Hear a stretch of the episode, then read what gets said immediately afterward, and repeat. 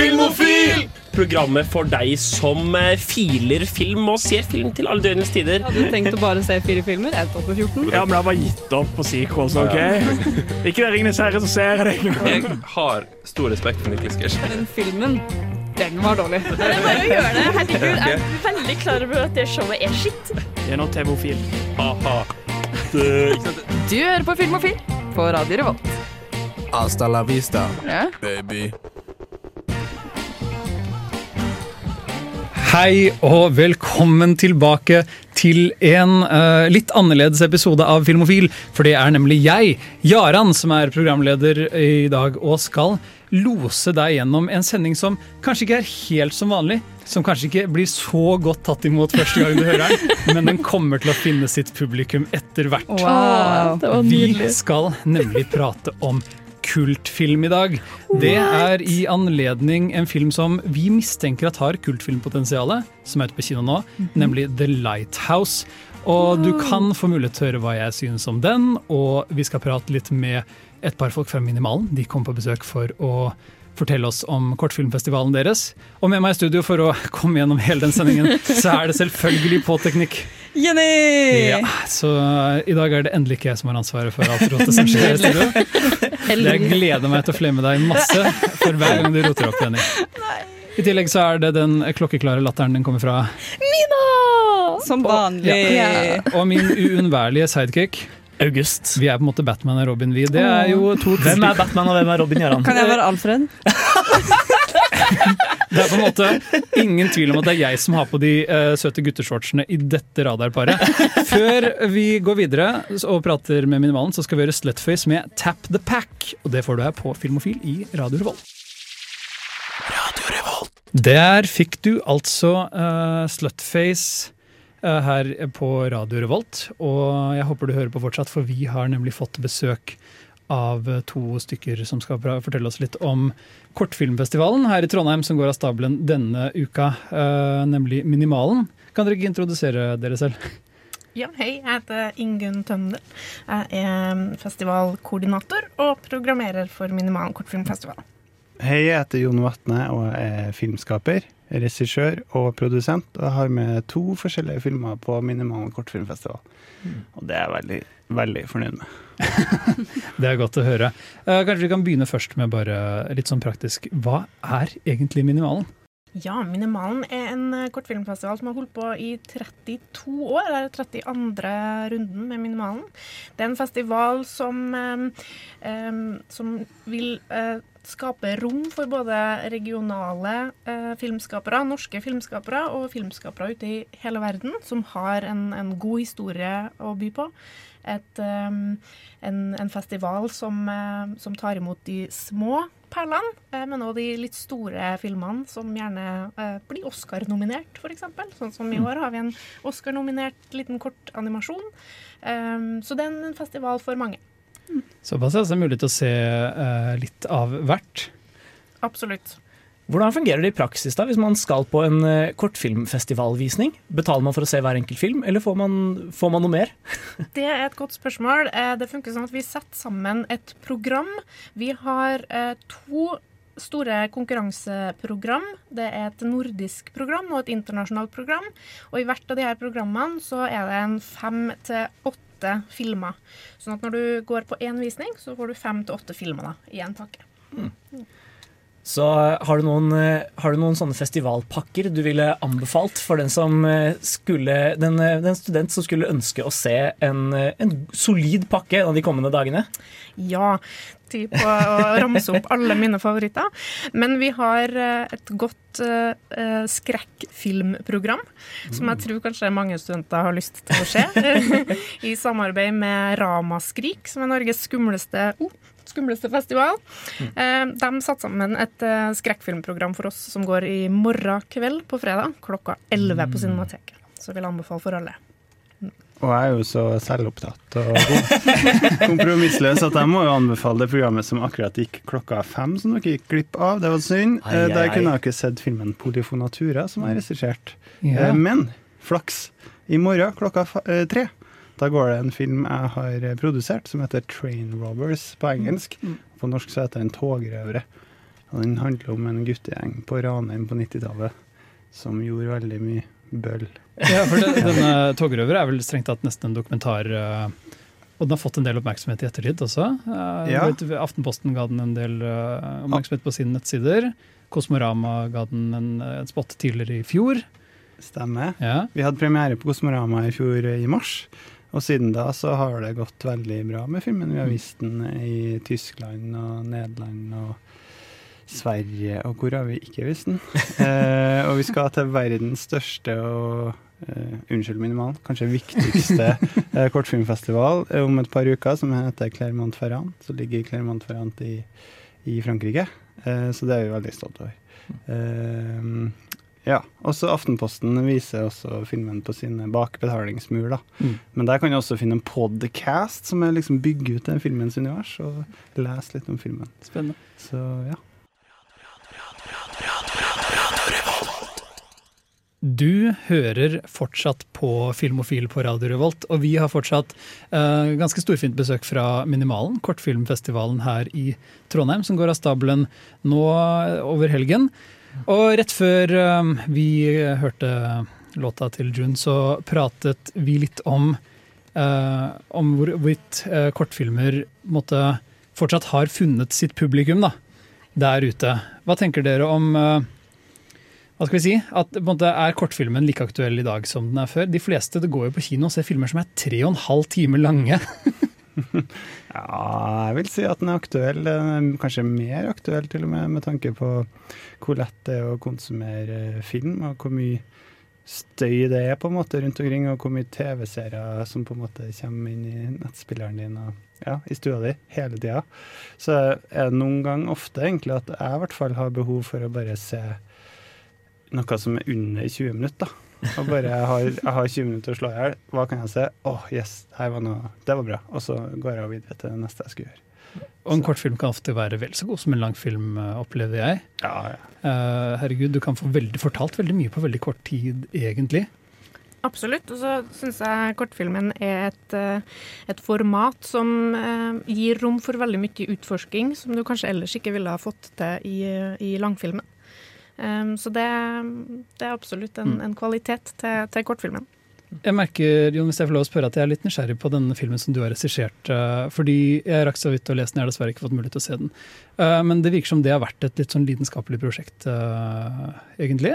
Ja, absolutt. Jeg kan forklare litt. da. Den heter polyfonatura, som er Mm. et konstruert ord. Det består da av polyfonisk, som er et musikkbegrep for flere toner på en gang.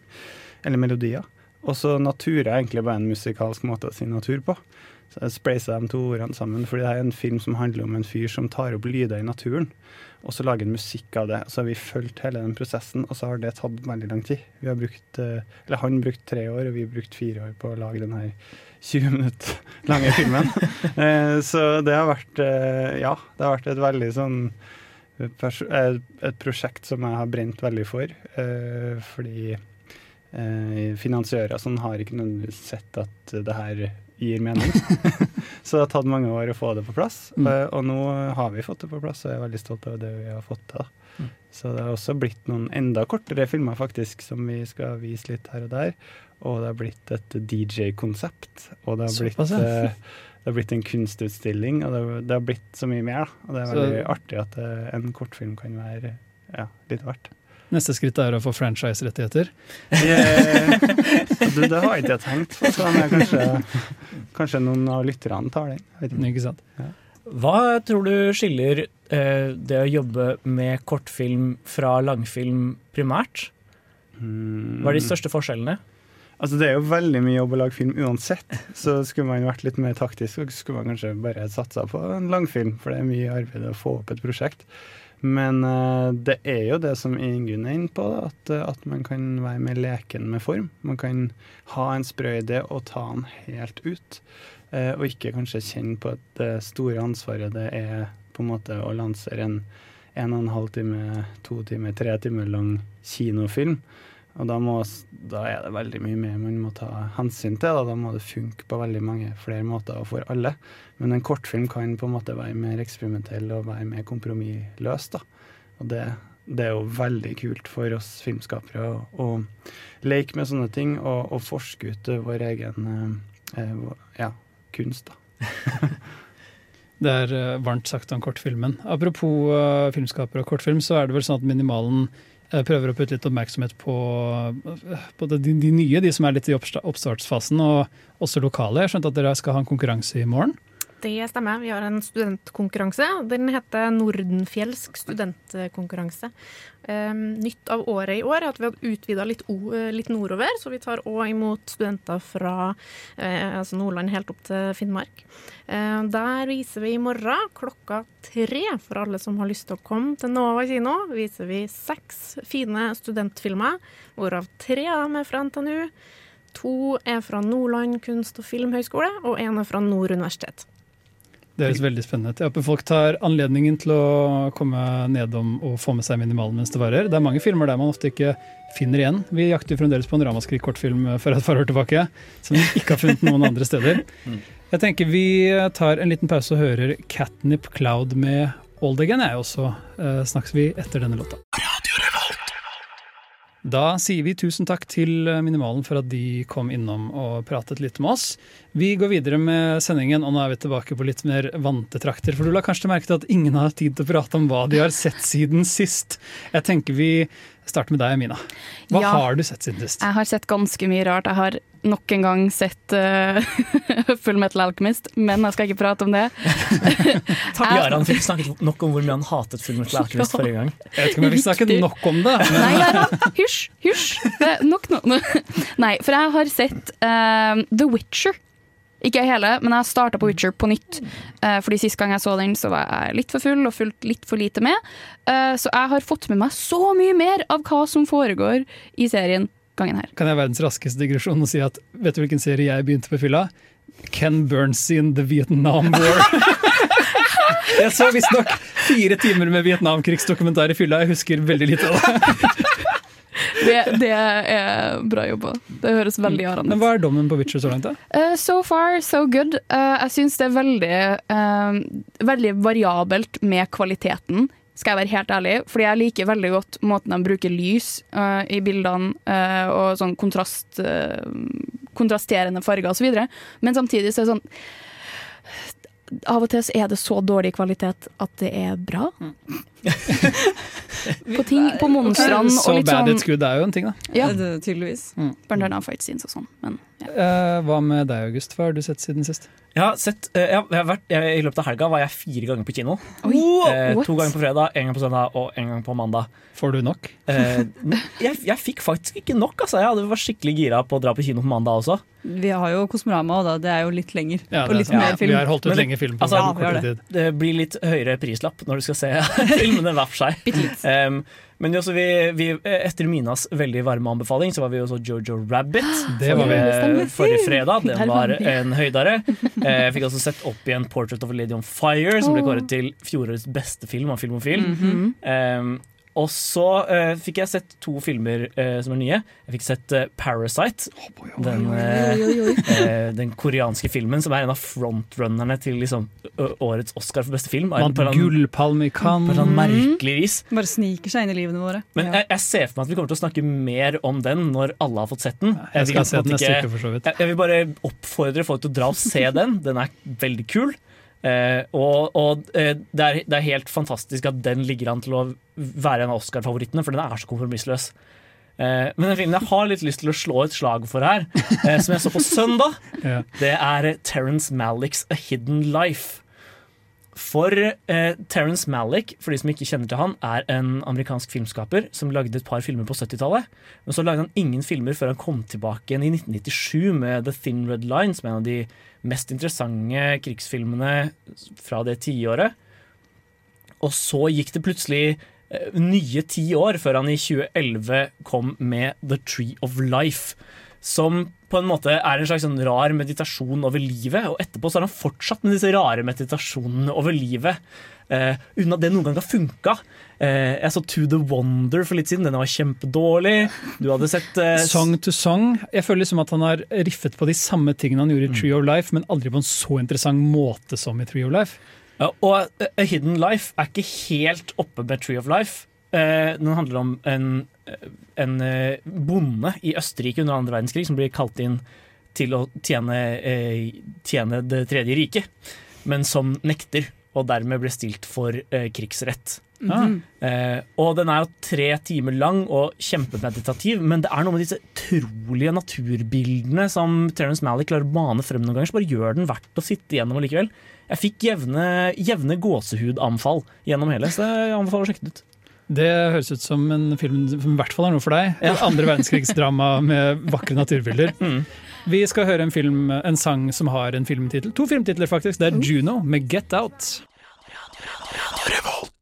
Det stemmer. Du hører på Filmofil.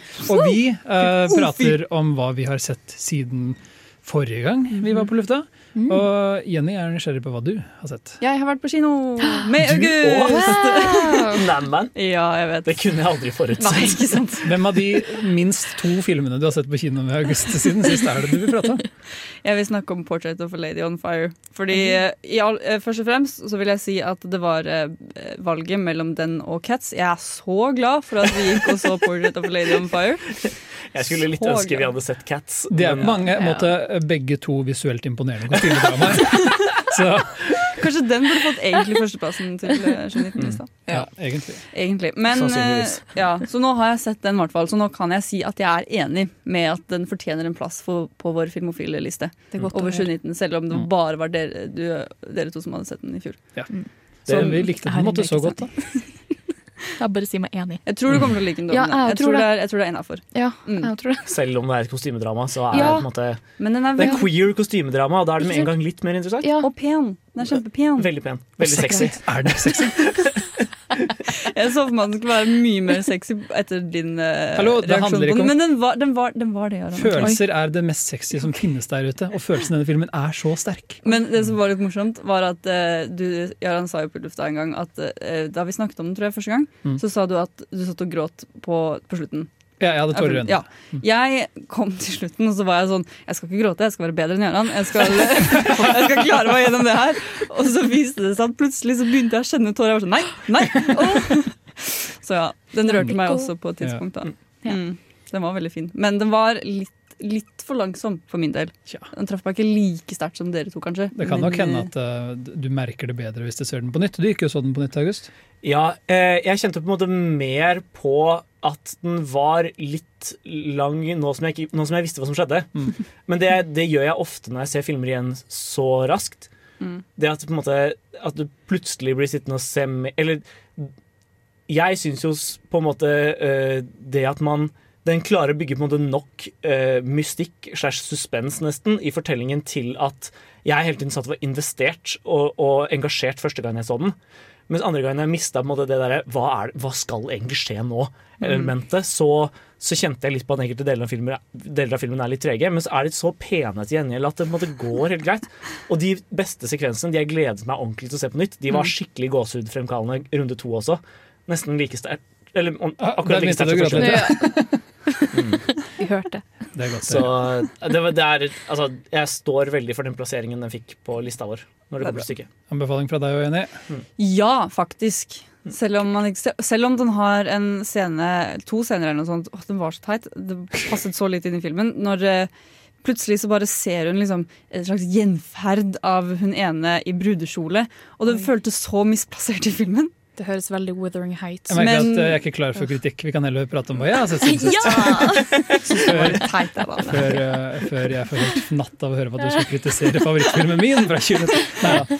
Men jeg har sett en film som antagelig ville vært favorittfilmen min fra 2018 hvis jeg så den da den kom ut. Men jeg unngikk den en stund, og det er Okja av John Ho. Bong John Ho. Bong John Ho. Uh, og det jeg så det litt fordi jeg var sånn Dette blir et, en, en vår i Bong John Hos tegn. Nå skal jeg se Memories of Murder snart. Og, ja, uh, Parasite. Men jeg hadde unngått den fordi den ble liksom promotert som en sånn en aktivistfilm når den kom ut. Den var sånn, Denne filmen er godkjent av Greenpeace. Og da er jeg med en gang, dette orker ikke jeg. Å få sånn politikk klemt ned i trynet mitt når jeg skal se på film. En, en sci-fi-film av alt mulig, liksom. Så er det sånn Her er, Den er godkjent av Greenpeace! Jeg trenger ikke si det. Uh, så jeg holdt meg litt unna den, selv om jeg visste at uh, John Ho var en god filmskaper. Men jeg elsket Okja. Den hadde et par ting som er veldig sånn Det er, det er den stilen du er vant til fra litt sånn koreanske filmer som uh, Bong Joon-ho sine filmer. Men for første gang så skjønner du hvordan det antagelig er å se filmene hans hvis du er koreansk. Fordi han, han, han får veldig interessante prestasjoner ut av både Tilda Swinton og Jake Gyllenhaal. Uh, Jake, Jake Gyllenhaal er, gjør en sånn rar, manisk Jim Carrey, en deprimert Jim Det han gjør best, Carrey-tolkning. egentlig. Ja. Og Tilda Swinton har bare sånn utrolig rar energi gjennom hele filmen. Jake Gyllen Nei, uh, Tilda Swinton og Bong Joon-ho er jo tydelig en god kombo. Helt uten tvil. Hun er jo, hun er jo helt crazy i um, Snowpiercer også. Det er helt riktig. Uh, men jeg følte at denne på en måte hadde mer av den litt sånn rare, kleine humoren hans enn Snowpiercer lot seg ha. Så Ja. jeg tok nesten mer til denne enn en Snowpiercer. Den er jo på en måte en slags rar familiefilm, på et vis. Mm, fordi den handler om en ung jente som jeg vet ikke om vi rekker å prate engang. Hun, hun har en supergris som er genetisk eh, modifisert til å bli eh, mat for fremtiden. Og så eh, kommer selskapet som eier grisen og skal ta den fra henne og slakte den. Og så blir hun lei seg, så hun eh, prøver å redde den, og så drar hun til New York, og så redder hun Ah. den til slutt. Ja. Men inni der så blir grisen voldtatt, og så innser vi at alle grisene er, basically gjenopplever holocaust. En utrolig god film. Jeg anbefaler det til alle. Og nå skal vi høre Amanda Tenfjord med As If. Radio Revolt. Der hørte vi Amanda Tenfjord med As If, og nå er vi på en måte kommet til filmen som skal ta oss inn i kultfilmtemadelen. Wow. Og dette er en film jeg hadde gledet meg veldig mye til. Det er Robert Eggers, regissøren bak The Witch, en av mine favorittfilmer fra det siste tiåret, som var ute med en ny film, og den heter The Lighthouse. Og eh, det kommer kanskje ikke godt nok frem i anmeldelsen min, men jeg elsket den. Så vi får høre hva annet jeg hadde å si om den, da.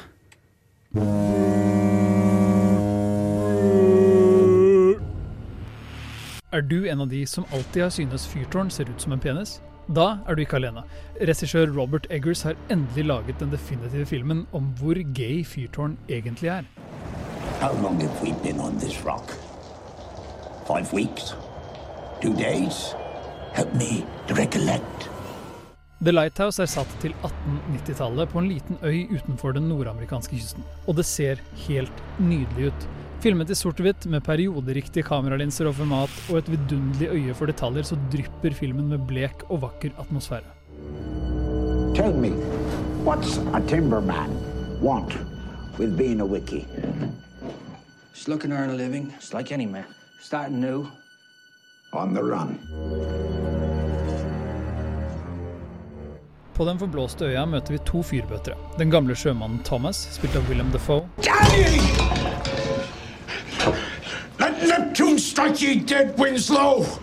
og hans nye andremann, den unge Ephraim, spilt av Robert Pattinson. Mennene jobber hardt og prater lite, men det henger en konstant uro i luften.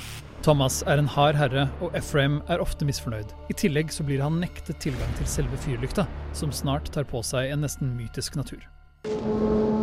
What made your last keeper leave? He believed that there was some enchantment in the light. Went mad, he did. Jeg vil egentlig ikke fortelle deg noe særlig mer.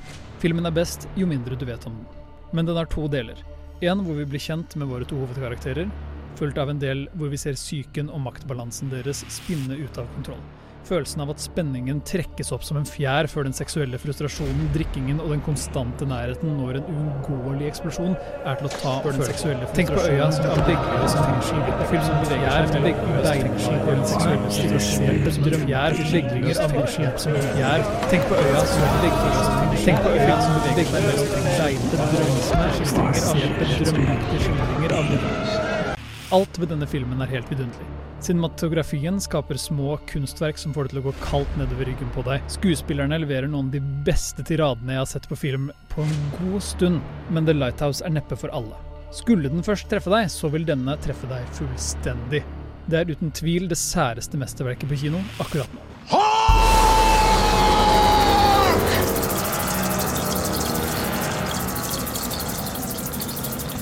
All right, have it your way. Ja. Spørsmål? Snakke om små kunstverk.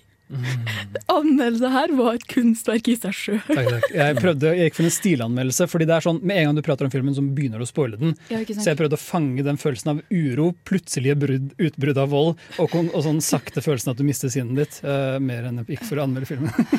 The Lighthouse. A Lighthouse Odyssey. Mm. Ja, eh, ja, egentlig det er gøy du bringer opp på Disney, for det er mye sånn uh, henvisninger til gresk mytologi inni der. Veldig veldig mye, faktisk. Havfruer, Poseidon, Prometheus. Uh, sånn veldig rik Robert Eggers virker som en fyr som er veldig fascinert av myter. Mm. Uh, og det syns jeg er kult. Den er jo Oscar-nominert for beste foto også. Mm, og det fortjener den. Den burde også fått beste skuespill, beste regi og beste screenplay. Den er i og sort-hvitt, den beste musikk. Jo. Ja. Ja, ok. Det er den. Mm. Den er helt, det, er sånn, det er noe av det vakreste sort-hvitt-filming jeg har sett siden uh, Roma. Wow. wow. Det er noen, eh, hvor mange sort-hvitt-filmer har du sett siden Roma, Gøran? Ja, av nyere kanskje ikke så mange. Men uh, dette er en sånn film som ikke vinner en Oscar uansett, nesten. Så det er jo litt sånn det er jo, det er jo, Jeg syns det er fint når de filmene i det hele tatt får en nominasjon. Ja, altså, Plutselig, man vet, man, man vet aldri, plutselig har vi klaget nok på Oscar-komiteen til at de faktisk bare Å, shit, vi må velge noen litt sære filmer. Jo, men dette er, dette er resultatet av at The Lighthouse ikke har hatt en øh, god Oscar-kampanje, eller neppe har blitt en Oscar-satsing. Så det er Mm. sånn sett er det som August sier, kult at den blir anerkjent for noe som helst. Mm, kult. Fordi det, ja, den er en helt vanvittig god film. Jeg anbefaler den bare kjempesterkt. Ja, var ikke Robert Pattinson, Pattinson som ikke var så særlig fornøyd med prosjektet her? Nei, han er fornøyd, men han, han, han og regissøren tror jeg ikke han kom så godt over, overens. Ah, ja. Men jeg tror han, hvis han ser filmen tilbake, så han, det er sånn han, Regissøren er veldig dedikert til detaljer Ja. og realisme. Og det er Ja. veldig mye dårlig vær og mye sånn de drikker seg drita og banker opp hverandre og Ja, sånn. han type ting. kjørt gjennom litt uh, forskjellige Jeg tror, jeg tror William Defoe faktisk slo han i trynet en scene. Ja, Nå har jeg fått nok. Kan jeg tro på. Oh, vel. Er det noe mer dere lurer på, eller skal vi bare La oss gå for låt. Ja, men da tror jeg vi hører Øyvind Holm med Gut Feeling. Altså folk heller bare skynde seg og, og sjekke ut The Lighthouse mens den, mens den går på kino. For jeg vet ikke hvor lenge den blir. altså. Du hører fremdeles på Filmofil på Radio Revolt, og vi Wow. skal til å by oss. Mm. ja, det er egentlig litt misunnelig. Alltid hatt lyst til å høre på, men alltid opptatt på torsdager klokka åtte til ti. Vi skal by oss ut på det som er dagens, liksom. Det- det er kjøtt i må- måltidet. Hovedtema. Ja. Å, det er en god jingle. Hovedtema. Mm. Litt spooky, da. Ja. Mm. Det blir litt spooky i dag, for vi skal prate om ganske mange ulike filmer. Vi skal nemlig prate om kultfilm, men da må vi nesten først bli enige om hva kultfilm er. Uh, August, hva, hva er ditt forhold til kultfilm? Jeg er på en måte ingen uh, sånn utprega kultfilmentusiast når det kommer til stykket. Eh, jeg har ikke noe imot en god kultfilm, men, men jeg, det er på en måte ikke en sånn I den grad man kan kalle det en sjanger. Det er ikke et konsept jeg veldig aktivt oppsøker. Men eh, hva skal jeg si? Det er noe med eh, Kultfilm kan jo på et vis i hvert fall defineres som filmer som har en, et slags veldig Et veldig lojalt og Spesifikt. interessert interessert publikum, Ja. men ikke et stort et. Nei, Mainstream-appellen er veldig sjelden der. Mm. En kultfilm kan Det er vel på en måte per definisjon ikke en kultfilm hvis den har mainstream-appell. nesten. Ja. Så du kan ha, Det er masse mainstream-filmer med store fanbaser. Baser, for eksempel Mar Marvel-franchisen. Men det blir liksom ikke kult bare fordi fanbasen er stor. Ja. Det, må være, det må være en film som Det er sånn, det er garantert at i hvert fall en fjerdedel av de som ser den, sier Hva i alle dager var det du prøvde å få meg til å se på nå? Ja. Det må være litt nisje. Ja, en eller nisje. Eh, egentlig. Mildt nisje. Mild, mild nisjefilm. Da var Det, kult. det, skal, det skal på en måte på den ene siden være nisje, men de som liker den, skal til gjengjeld Like elske den. De skal Mm. liksom dra på Amazon, Amazon etterpå og kjøpe kostymer fra filmen. Ja. Men- det var faktisk det jeg vurderte med The Princess Bride. Ja, men Det er et eksempel på en kultfilm. Ja. Og uh, det er noe med det at liksom Kult i kultfilm, bare for å høre det helt tydelig, ordet kult kommer av at den har en kult following. Altså, Yes. den, har, den har liksom samlet en, sånn, en gruppe fanatiske fans. Uh, Det er en gjerne- kult, rett og slett. Mm. Det er der det kommer fra. da. Ja. Og det, det, er, det hjelper veldig godt hvis du skaper en kultfilm, bare forby den i noen land. Yeah. For folk vil prøve å få tak i de forbudte filmene. Og de vil prøve å se de, og de kommer til å elske de bare fordi de er forbudt. Det er I Norge, eksempel, eh, Itchy the Killer, Mm. den, eh, den er forbudt i Norge. Men eh, den har jo en eh, veldig tydelig fanskare allikevel. Absolutt. Du hører jevnlig sånn, eh, Dette er filmen om en sadium, sadomasochistisk um, leiemorder, bare så det er sagt. Så, ja, Det er derfor den er forbudt i Norge òg, eller? Ja, det er mye blod og sex og vold. Ja. Den er vel, det er faktisk en av de få filmene som er forbudt, forbudt fordi den er for voldelig. Andre filmer er ofte okay. forbudt på grunn av, på grunn seksuelt Ja. innhold eller Det ja. innhold. Mens den er bare sånn ja. Det er av fyren som lagde audition, da, hvis det hjelper noe. Takashi Miki, han er jo en raring. Han er, han er en raring. Men poenget mitt er i hvert fall at den har en del veldig veldig ihuga fans, Mm. også i Norge. da. Mm. Nesten i kraft av å være forbudt. Det samme gjaldt jo A Serbian-film, da det viste seg at den også hadde blitt forbudt i Norge. Den av at den er imot norsk barnepornografilov. Ja. Mm. Eh, den ble også veldig sånn derre oh, shit, er filmen forbudt i Norge? Eh, så ble det sånn alle, alle unge gutter skulle se fordi det, var, fordi det var kult å se noe som var forbudt. Det var kult. Det var kult. Det var kult. Ja, vel, det var kult. Det og var kultfilmer har gjerne en sånn, et, et eller annet stilisert preg som gjør at folk bare virkelig ja, tar til det på en måte som kanskje ja, har noe som folk ikke er interessert i. For eksempel vold. Noen elsker det, Mm. noen hater det. Jeg tenker Vi prater litt mer om kultfilm og kanskje kommer med noen gode eksempler etter at vi har hørt The Mhm. Good, The Bad and The Sugly med Fuck Life, But How To Live It. Der fikk du Fuck Life, But How To Live It, og jeg har egentlig ikke noe svar på det spørsmålet. Jeg heller, men av og til så hjelper det å se en god film, eller kanskje en film som bare du syns er god, men ingen andre liker. Og jeg tvang nylig dere til å sitte gjennom en film jeg egentlig liker ganske godt. Gjorde du faktisk. Nemlig Highlander, og derfor har jeg lyst til å utlyse en konkurranse. Førstemann til å klare å forklare meg plottet i Highlander, skal få 500 poeng. Ok, Nå har jeg prøvd å forklare dette plottet til to, nei, tre ulike personer de siste tre dagene. Så nå har jeg begynt å få inn en slags struktur på hvordan jeg skal fortelle. Så, fordi først, Første gang jeg skulle prøve å forklare så var det sånn Jeg, jeg vet egentlig ikke. Men nå, ok, det handler om en fyr som kan leve for alltid. Oi. Er egentlig greia. Og så ser man da at han lever for alltid. Og det er akkurat like teit som det høres ut som, og det er lyd involvert, og det er magi involvert. Det høres blir- så kult ut. Ja, fordi du, du får, du, Når du bare sier 'en fyr som lever for alltid', så kunne det vært Twilight.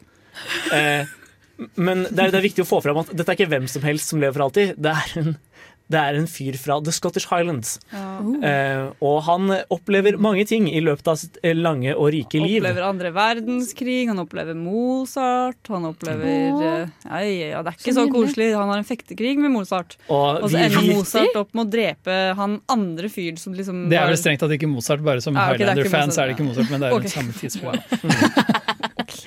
Han nevner Mozart i en annen bisetning. Han har nemlig opplevd mange ting. Åh. Jeg føler at dere glemmer et viktig del av dette plottet, og det er at han lever for alltid fordi han er ikke den eneste som er igjen Han er en av de del utvalgte. av ja, utvalgte udødelige, som alle sammen bare liksom eksisterer rundt omkring på kloden. Og de er det bare et fåtall av, og de er alle sammen De er basically, de er basically The Force, men det heter The Quickening i stedet for The Force. Jeg Og- liker The Quickening bedre enn The Force. Og. The Quickening trekker disse til hverandre som en slags uimotståelig kraft. Eh, som, som gjør at de basically liksom, de bare finner hverandre og har en sånn, de ser veldig rart på hverandre. Det er veldig mange interessante bare blikkshots i filmen når de møter hverandre. Jeg får litt hverandre. sånn dere, Mm. dere Will Smith-filmen Er det Hancock? Ja, kanskje litt. Hancock-vibes. And there can only be one. Alle må nemlig slåss til døden, og kun den som står igjen til slutt, vil få en kraft, en helt sånn over, en overmenneskelig kraft. Gud, basically. Og den eneste måten en, en udødelig kan drepe en annen dødelig på, er ved å hugge av han hodet. Selvfølgelig. Mm. Og selv hovedskurken her, da, han har, liksom, han har prøvd å drepe han før, men kappa han hodet, men han har bare klart det sånn halvveis. Ikke Å ja, så han, har sånn, han har sånn merke i halsen. Ikke sant? Ja. Hva velger han å gjøre med det? Jo, han velger å stappe binderser inni den Sikkerhetsnåler. Sikkerhetsnåler er det, ja. Ja, men det er fordi han er i Det er forkledning. et. Han prøver å skjule Dette er mitt poeng, at filmen er teit! Ja, det er 80-tall- fra 80-tallet eller noe sånt. Det må også nevnes at Queen Ja, har det- soundtracket. Jeg tror jeg hadde elska filmen. Dette er den beste sa eh, filmen som har Freddie Mercurys musikk i seg. Den er tusen ganger bedre enn Bohemian Rhapsody. Damn. Nei, og det er også noen sånne altså det, det som gjør den så fascinerende, er at den har noen øyeblikk som er sånn Det er på en måte ikke dårlig, det bare gir ikke mening, men så er det litt kult allikevel. Eh, Jeg hadde for eksempel, jeg døde av latter et øyeblikk hvor han, han har blitt forvist fra landsbyen sin fordi alle tror han er besatt av Satan, i og med at han overlever et, mm. en dødelig skade. da. Stakker. Kona hans begynner å slå han og sånn. Oh. Hun er skikkelig douche. kona, hans var ganske kjip. Eh, men i hvert fall, han ender opp med å sitte ved en stein i, i mørket. Oi. Og så er det sånn eh, crossfade over til et, en svær Mona Lisa-plakat i New York. Så ansiktet hans overlapper Mona Lisa-plakaten. Så på et tidspunkt så er han basically Mona Lisa. Wow. Ja. Og, så, og så panner vi bare bort fra Mona Lisa-plakaten og ser den aldri igjen. For et nydelig artistisk valg. Ja, det er litt sånn, hvor, hvor kom det fra? Er det på vei noe sted? Jeg vet ikke, men jeg elsker det! Men det er akkurat dette som er appellen med Highlander. Alle disse utrolig interessante valgene rundt et konsept som egentlig er litt interessant. Men også kjempeteit. Ja, absolutt. Det er så teit. Det det er uberteit. Jeg elsker den, Jenny hater den. Du Ja. burde sjekke den ut og bestemme selv. Så kan vi lage en poll. Hvem sin side er du på? Jenny eller Jaran. Men før det så skal vi høre Kvelertak med Crack of Doom, feat Troy Sanders. Takk til Law of All med Stuck. Takk og takk, da, for Blom. Vet du hva? Det er kult med litt metall før vi prater om uh, sjanger og kultfilmer, fordi metall er på en måte litt nisje, det òg. Det har en veldig dedikert fanbase. Det har du rett i. Og metall er jo en sjanger som måte, Fans av metallsjangeren de er liksom, de, litt sånn altetende i metallsjangeren ofte. Mm. Og sånn skjer ofte med kultfilm, at det er veldig veldig vanlig å finne det i sånn spesifikke, spesifikke avgrensede sjangere. Kanskje særlig skrekksjangeren mer enn eh, noe annet, men også science fiction er veldig vanlig. Eh, Men jeg, jeg har litt lyst til å ta deg opp på den sammenligningen med metallsjangeren. For jeg føler også at metallentusiaster har en tendens til å splitte seg veldig på en del sånn litt trivielle ting. eh, som for eksempel at du ikke kan li det, Jeg er ikke så inn i metall, men jeg vet f.eks. for eksempel at du ikke kan like Metallica og Megadeth samtidig. Ja. Men det er liksom Det er ganske likt. Ja, hvorfor ikke så, det? så, eh, og jeg føler det samme kan finnes i kultmiljøer. Det at ting som på, en måte på overflaten kan være ganske like, er sånn de som, Ja. de som liker den ene tingen, kan virkelig ikke like den andre. Um, Det er som Marvel Men- og DC. Bare ikke Ja. helt samme greia, men litt sånn, bare sånn enten, Du Star- kan enten like Marvel, eller så kan du like DC. Men ikke Star Trek, Star Wars. Mm. Ja, det er jo. Jeg har enda til gode å, å komme borti noen kultmiljøer hvor det har vært veldig sterkt tilfelle. Sånn, hvordan våger du å like Rocky Horror Picture når du liker Repo Man, liksom? Men uh, ja. Men, eh, men ja, hovedpoenget ditt er vel at det er vanligere å finne kultmiljøer i veldig sånn etablerte sjangermiljøer. på Ja, et vis. eller at Eller de på en måte som- etablerer litt egne sjangere en gang iblant. Mm. Eh, noen sjangere er jo kultsjangere. Blaxploitation, mm. nesten alle exploitation-filmene. eh, sjangerne. Eh, hele den kannibalfilmbølgen fra 70-tallet, eh, som Cannibal Holocaust er en del av, August. Din favorittfilm. Cannibal Ferox og alle de andre kannibaltittelfilmene. Sånn som eh, også bare den filmen som heter Cannibal, tror jeg. Eh, Kan jeg bare si veldig kjapt at uh, selv om disse titlene høres alle titlene høres sykt kult ut, men det finnes også kultfilmer som ikke har sykt teite titler. Jeg må bare Ja, si det. Det finnes Bride. ja, altså Bagdad kafé og Donnie Darko. Ja, Mm, de, de, de er vanlige filmer, noen av de òg. Ja, det er jo noe med at uh, en kultfilm trenger ikke være en sjangerfilm, men De er ofte det. Jeg Ja. tror det er veldig lett å ta for seg en sjanger hvor på en måte mye av det som Forventningsavklaringen er veldig tydelig der. Mm. Så hvis du begynner å subvertere de forventningene, eller du begynner å eksperimentere med stil innenfor en sjanger hvor folk er vant til en spesifikk stil, så kan det trekke et publikum veldig fort. Ellers er folk bare falt for noen sjangertroper som andre syns er litt forkastelige eller usmakelige. F.eks. slasher-sjangeren. Mm.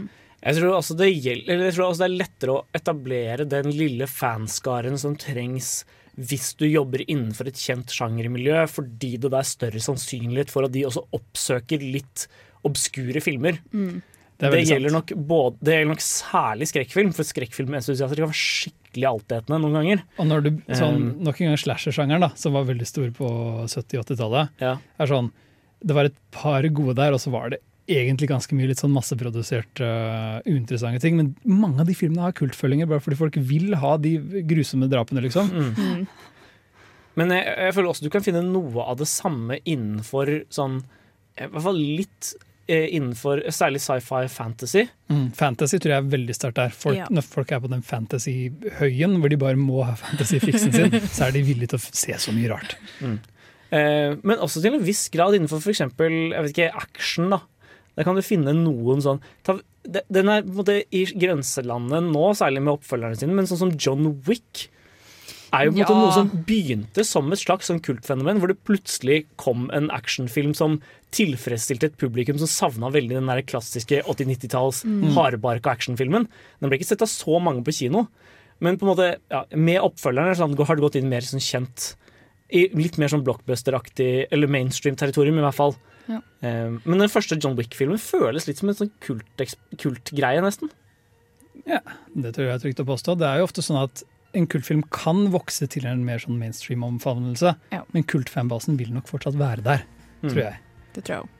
Uh, jeg vet ikke om MGMT har noe uh, kultfanbase, men uh, kanskje de får det etter hvert. Dette er i hvert fall dere med In The Afternoon.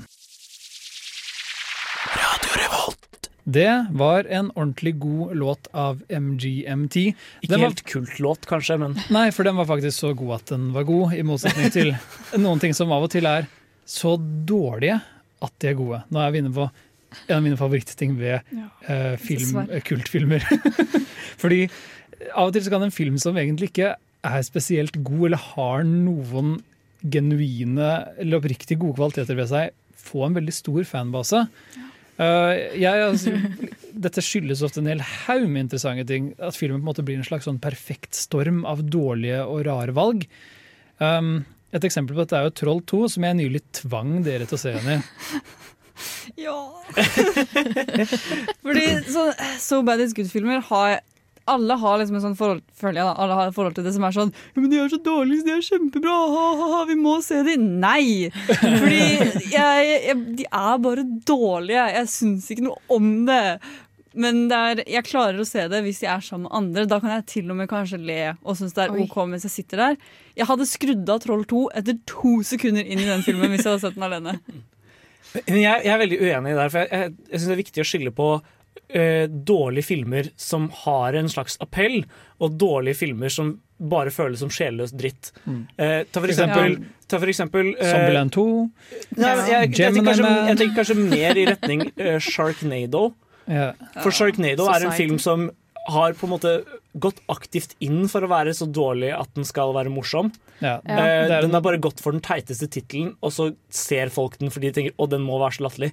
Men, men den er bare sjelløs og, og, og ekkel og og når jeg sier ekkel, så mener jeg ikke liksom blodig ekkel. Jeg mener sånn Du føler deg litt skitten fordi du så på den. Ja. ja, Man føler at ingen av de som var med på prosjektet, brydde seg i det hele tatt. Mens Troll 2 er veldig annerledes. Jeg føler at de, de prøvde på et eller annet. De prøvde å gå for et eller annet. De hadde en slags visjon, men så var alt de gjorde, liksom feil. Men Sharknado også har jo folk som bare elsker Sharknado for det det er verdt, på en måte. Ja. Og som syns det er kjempebra. Og det er jo De finnes jo, de òg, August. Jeg er litt glad for at du tok det opp, for jeg har lyst til å angripe Sharknado-fanbasen hvis det finnes bitte litt, jeg også. For jeg støtter August veldig på det at dette er ironiske hipstere som ikke helt har skjønt så bad it's good-greia, og er veldig raske med å omfavne dem på en sånn Ja, jeg liker så bad it's good-filmer, Sharknado er dødsteit, men de er ikke interessert i så bad it's good uh, på Estetikken. Ja, fordi det er veldig viktig at det ligger en oppriktighet til grunn her. Når du ser Troll 2 eller The Room, så er det faktisk folk som mener de er autører bak disse filmene. Når The Asylum, som lagde Sharknado, lager en film, så ringer de en eller annen fyr de har i studio, eller liksom i huset sitt og sier sånn Du, vi skal lage en film, du må komme til California, vi filmer den på to uker, du får så mye penger. Han er sånn Får jeg lov å lage en film? Så kult. Ja, du får eh, kun av de dårligste spesialeffektene, og alle skuespillerne må overspille. Vi snakkes når filmen er ferdig. Og så lages filmen. Ingen har noe kjærlighet eller forhold til filmen. Bortsett fra de fansa som faktisk er der, fordi det finnes jo Jeg føler at det er viktig å påpeke at det finnes kultetterfølgere i hver eneste sjanger.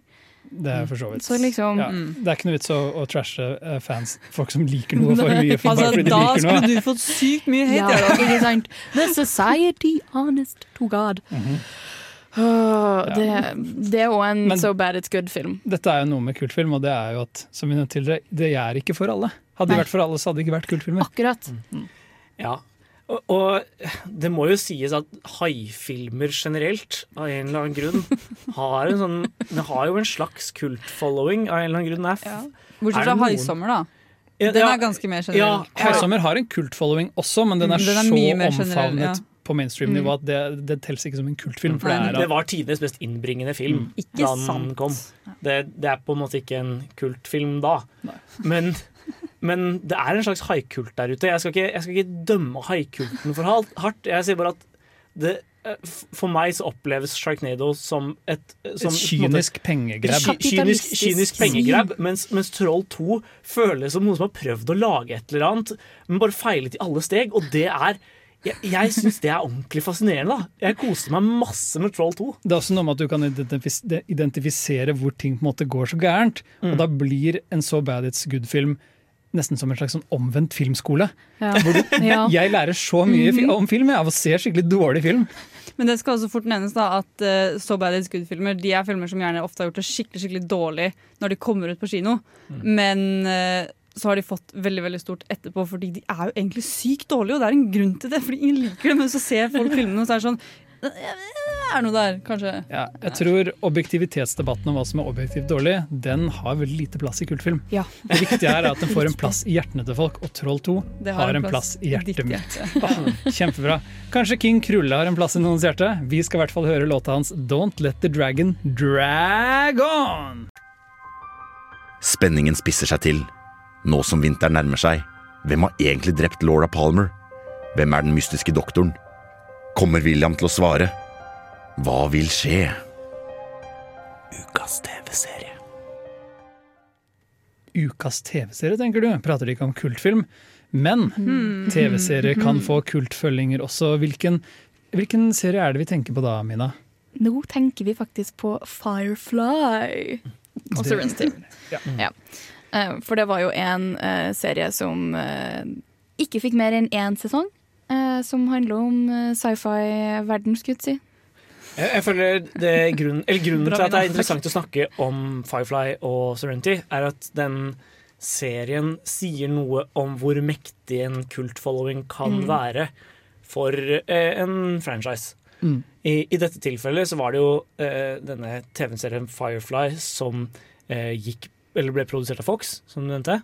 Um, Laget av Joss Whedon, som var liksom ganske fersk ut av Buffy the Vampire, Sla Vampire Slayer. Som også har en kult following. Ja, det er sant. Jeg vil si Buffy the Vampire er mainstream, for jeg, jeg mener at det er så høyt elsket av folk. At det, Ja, det var fordi du elsker den så Jeg elsker Buffy så ja. mye. Herregud. Mm. Men i, i hvert fall Firefly eh, hadde en del trøbbel da den ble sendt på lufta. Episoden ble sendt i feil rekkefølge. Mm. Eh, og, de, og de gjorde det generelt veldig dårlig. De markedsførte den helt elendig. Det var sånn, det kommer en ny serie fra Joss Whedon. Det er noen cowboyer i den, og et romskip. Og folk er sånn, Hæ, hva er dette for noe? Men det er basically Space, space Ja, ja, Cowboys. for det er 500 år frem i tid. Det, ja, det, er, det er en slags for, forsøk på å eh, fortelle Eller rekontekstualisere western, en western klassisk westernserie, Mm. bare i verdensrommet. Nei. Og jeg elsker det. Ja, I en veldig stor grad så funker det veldig bra. Mye av dette har å gjøre med at og dette er også grunnen til at fansen liker det så godt, er at hovedkastet, hovedkarakterene, Mhm. har masse karisma, er veldig likebare og en mystisk fortid. Det er på en måte De alle følger, veldig, ingrediensene. de følger en veldig sånn klassisk western-arketype også. Mm. Med liksom en, sånn lite, en liten gjeng som reiser rundt som bounty hunters, nærmest. Ja, Tar det de, er, de er de liksom outlaws, Ja. men de er outlaws med et godt hjerte, for de, er bare, de hater bare fasciststaten eller imperiet som, Yes. som styrer galaksen. Mm, Altså, de, de driver bare og holder på med smugling og lever på ja, kanten Mm. av samfunnet. Det, det som skjedde da, i hvert fall var at, eh, eller at Firefly etter hvert fikk en veldig veletablert following. Mm. Eh, så selv om eh, serien ikke ble fornyet for en sesong to De hadde jo egentlig seks sesonger på lager, tror jeg. De hadde i Eh, hvert fall tydelige planer for en andre sesong, og det Ja. ser du veldig godt når du ser filmen Mm. som kom. Fordi de klarte til slutt å få, eh, få finansiert en filmversjon av Eller som på en måte skulle oppsummere hele, hele serien. Mm. Som het Firefly. Nei, som het Serenity. Og den eh, Den er det er et ordentlig imponerende verk i at den på en måte klarer det, nesten. Den klarer å skvise er- ja. seks sesonger med innhold inn i én liten, kompakt film. Den er bedre på å oppsummere eh, og runde av hele universet sitt enn The Rise of Skywalker. Ja, ikke sant. Men jeg føler òg at pga. at uh, Firefly uh, fikk en så uh, dårlig på måte, oppstart, det gjør at de klarte å få til å få runda det av på en så flott måte, og at det ikke ble basically at uh, det ble misbrukt. da. Eller at det ble dratt ut for langt. Ja, Som for eksempel Supernatural, som for så vidt kanskje òg har en liten kult-following. Den er, den er mer mainstream også. Ja, men du har for så vidt òg kult-followings i den spesifikke sjangeren òg. sånn- Ja. Jeg tror også det Ja. hjalp at de visste hvor de ville med karakterene Ja. sine. Veldig mange TV-serier vet ikke hva den slutten på karakterarken her, men når du ser Serenity, så er det veldig tydelig at de hadde plantet frø i TV-serien, så de visste hvor de ville med. ja, For de hadde jo et par år imellom TV-serien Mm. og filmen, som er good. Samtidig så kunne akkurat det samme skjedd med Serenity som skjedde med f.eks. Game of Thrones, hvor man hadde en veldig stor hype. Eller, som det, det var en slags, Game of Thrones var en slags sleeper hit. Det var ikke så stor første, første sesong. Eh, men så kom den liksom gradvis, Mm. eh, og så ble den plutselig altfor stor for sitt eget beste, og så kollapsa det litt mot slutten. Ja. Det, akkurat det samme kunne skjedd veldig med Firefly. Jeg tror jeg hadde gått veldig lei, i hvert fall før sesong seks var omme. Um, men siden den på en måte har den ene sesongen, så blir den litt mer sånn Den blir plutselig litt mer kultaktig, da. Ja. Jeg tror eh, vi lar deg få siste ordet på den, August. Det var godt sagt. Eh, Vi hører nok heller Free Nationals med Oslo, feat Callum Connor og T. Neva. Og så ser vi det etter en liten promopause, så ikke gå noe sted. Hi, this is Brian Usen. I'm the producer of Reanimator and the director of Society, and I'm with the Filmophile people, and uh, we're all having a great time. Reanimator, det er en kultfilm. Om det. ja, det er. Society òg. Ja. Nå skal vi prate om en helt annen form for kultfølging. Mhm. Vi skal prate om filmer som danner en kult gjennom memes. Dette er et veldig nytt fenomen. Og jeg vet ikke hvor forberedt vi er til å prate om det, egentlig, så vi har kalt inn en ekspert. Men vi kan ta en rask runde på memepraten først. Ja, for Det er noe med en del filmer i det siste som har begynt å få en slags sånn eh, kultmytos på nett. Uten at det er så veldig direkte knytta til filmene per se. Du har sånn som The Bee-movie, som er en slags sånn kult, har, poten, har kultpotensial, men som ikke folk ser på som en kultfilm. De ser på den for memes. Ja, men som har blitt Ja. sånn meme, uh, en meme-oase. En annen film som kanskje var bedre mottatt, var jo Shrek. Og vi har kalt inn vår Shrek-ekspert for å fortelle oss litt om hvorfor Shrek er en meme-kultfilm. Hei alle, Astrid her fra Nesten Helg. Filmofil har vært grei og gitt meg grønt lys til å prate litt om eh, mine favorittfilmer, Shrek 1 og Shrek 2. Shrek-filmene er animasjonsfilmene om det gretne, grønne sumptrollet Shrek, hans elskede prinsesse Fiona og det irriterende eselet Esel. Selv om filmene for mange er kjent som en av de første eksemplene på høykvalitetsanimasjon, som i tillegg får til kunsten å lage en barnefilm som er gøy for voksne, med bruk av voksnere referanser, bruk av ironi og sarkasme, og et fantastisk soundtrack, så er det veldig mange som det siste tiåret har fått et litt annet forhold til filmserien. For mange vil deres forhold til Shrek først og fremst eksistere gjennom memes og absurde internettfilmer. Et av de mest kjente eksemplene er kanskje den ekstremt forstyrrende YouTube-filmen Shrek is love, Shrek is life. Kort sagt er dette en film om en ni år gammel gutt som blir mobba og misbrukt av sin far pga. sin store kjærlighet til Shrek. Videre kommer Shrek inn gjennom vinduet til gutten, og det hele ender i en ekstremt forstyrrende voldtektsscene der gutten blir voldtatt av Shrek. Voldtekten blir avbrutt av guttens far, og da sier Shrek It's all over now. Shrek leaves through my window. Shrek is love, Shrek is life fikk etter hvert flere oppfølgere, og det store skumle internettet ble etter hvert fulgt opp eh, med filmer av samme sjanger. Annet filmer som utforsker et kjærlighetsforhold mellom Shrek og Adolf Hitler. Dette er et klassisk eksempel på det jeg vil kalle 2008 random-humor, der man egentlig bare setter rare og tilfeldige elementer sammen i en smørje uten noe poeng. En ufeilbarlig oppskrift på internettsuksess i 2008. Og Shrek is love, Shrek is life fikk etter hvert flere oppfølgere, og det store internettet ble òg fulgt opp av filmer av samme sjanger. Annet en del filmer som utforsker et kjærlighetsforhold mellom Shrek og Adolf Hitler. I tillegg er nettet fullt av Shrek-ordspill, som f.eks. Shrek yourself before you wreck yourself.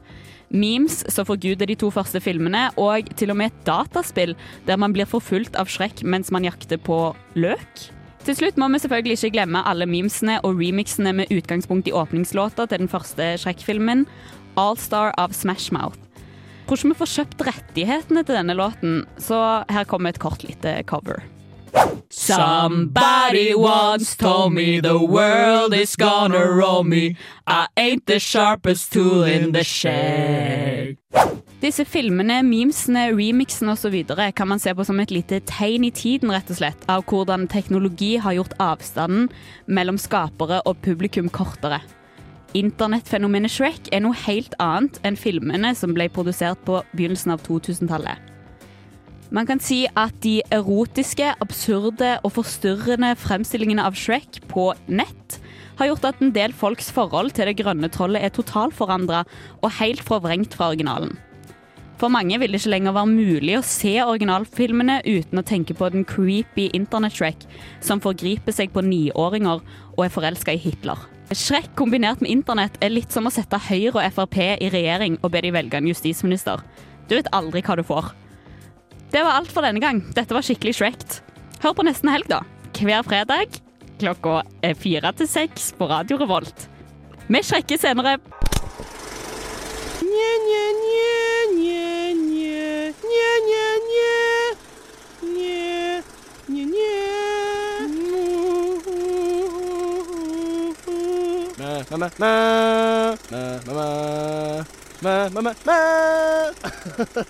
Ukas filmlåt. Da var det premiere på jingle her i Filmofil. Yes. Så den, den var en knakende god jingle. Jenny. Takk, takk. Jeg har brukt lang tid. Takk Takk til Markus fra Nesten Helg også. Mm, Nesten Helg har virkelig stilt opp i denne sendingen. Ja, Men eh, da har vi gått fra å prate om memes til å prate om eh, ukas filmlåt, og i den anledning så blir det på en måte eh, kultmusikaler. Yes. Og det beste eksempelet på dette må jo være Rocky Horror Picture Show. Ja, en av mine favorittfilmer ever. Uh, den handler da om et nylig uh, Hva heter det nå? Forlova uh, De er vel gift? Nygifte? Ja, jeg tror de er nygift, men de i hvert fall Brad og Janet. Ja! De er ute og kjører, og så plutselig uh, breaks their car, car down. Skal si, bilen deres uh, går kaputt. Mm. Og de er sånn 'Å nei, hva gjør vi?' Så de går ut for å se uh, etter en telefon. Og så ender de opp da på villaen til doktor Frankenfurter. og ting eskalerer deretter. Uh, hvor uh, de da blir invitert inn, og det er time warp-shit som skjer. Og ja, ting eskalerer bare virkelig. Rocky Horror spiller jo på sjangertroper, først Ja, og fremst. Dette med det unge paret og bilen deres som Ja. får motorstopp i skogen, og det skumle, gamle huset på åsen er veldig sånn campy 50-tallsskrekk. Mm. Og der inne så er det både en blanding av sånn gammel, hjemsøkt eh, galmanns Frankenstein-lab, Mhm. Ja. Frankenfurter, og så har du også et hint av science fiction som på en måte gradvis avdekkes i løpet av filmen. Og det hele er satt til rockemusikal-soundtrack. Ja. Og her er det veldig mange sånne kultfilm-perfekte ingredienser. Og så toppes det hele med at Tim Curry spiller Frankenfurter Ja, som er en sweet transvestite. i all out drag. Yes. Han har den flotte krøllete parykken, Ja. den Sminken hans, uberdramatiske sminken. Ja. som han har eh, faktisk Han sminka seg sjøl. Fun fact. Nydelig fun fact om Tim Curry. Han og Lon Chaney som uh, utviklet sine egne ikoniske sminker. og høye, støv, støv, ø, høye hæler og ø, fiskenøttstrømpebukser. Ja. Mhm. dette er jo bare en av de mange ikoniske karakterdesignene. Ja. Det som må nevnes, er jo at Rocky Horror Picture Show ikke egentlig er så stor, i så stor grad en sånn kultfilm folk ser og ler av i seg selv. Det som er spesielt med Rocky Horror, er at den på en måte har etablert seg som et fenomen utover det å være en film. Mm. Den er kjent for sin audience participation-greie. Og dette er jo en, et, et annet kultaspekt enn som sier. Mm. Publikumsdeltakelse er noe som også kan skape en veldig sterk sånn kultfølelse og tilhørighet. Mm. tilhørighet. Og har, skal, når man ser Rocky Horror, så skal man ikke eh, det, var, det var en som sa det så fint at du skal på en måte være den irriterende fyren som sitter og kommenterer alt som skjer på filmen. Eh, Den irriterende fyren i kinosalen, bare at alle er den personen. Ja. Så alle sitter og roper til skjermen. eh, Og kaster ting og Synger med på sangene. Mm. Et perfekt eksempel på det her er kanskje Perks of Being a Wallflower, hvor de har um, teateroppsetning til filmvisning av uh, Rocky Horror. Det er noe samfunnet gjør òg. Hvert Ja. år, faktisk. Jeg tror det skjer, er det, er det på vårsemesteret? Ja, Ja, jeg tror det er påmelding nå snart, eller har det vært allerede? Eh, Godt spørsmål. Jeg tror det er påmelding snart. Så det er jo bare en ting som bygger kulten til denne filmen enda mer. og det er på en måte godt, for det er sånn folk får sett den. Folk som vanligvis ikke ville gravd fram obskure rockemusikaler om sjangerfilm. Fordi den er blitt et fenomen og, et, og ikonisk på en måte uavhengig av filmens kvalitet og e-faktisk innhold. Mm, Men igjen da, så er det også det konteksten hvor du ser filmen hjelper veldig. Sånn som meg, at Jeg kan ikke se sånne filmer uten å ha selskap rundt meg. Sam- Sikkert samme da. Og Det er derfor den også har blitt så stor, siden alle liksom har en slags samlings, et samlingspunkt rundt den opplevelsen. da. Og da gjør du det no, til noe helt annet som blir bra likevel. Så hvis du har lyst til å dra på Samfunnet og se Rocky Horror Picture Show, så drar du dit eh, 13. mars. Eh, eller nei, det her er 2015. Never mind! Gi meg to sekunder! Men det anbefales å kle seg ut hvis du skal gjøre det. da. Ja, og så burde du ta med deg ting som ris, vannpistol, greier, og kaste. Jeg prøvde jo ut eh, Rocky Horror bare hjemme i kjelleren til noen venner av meg eh, en gang. Em, det var, eh, de, de gjorde liksom greia ut av det.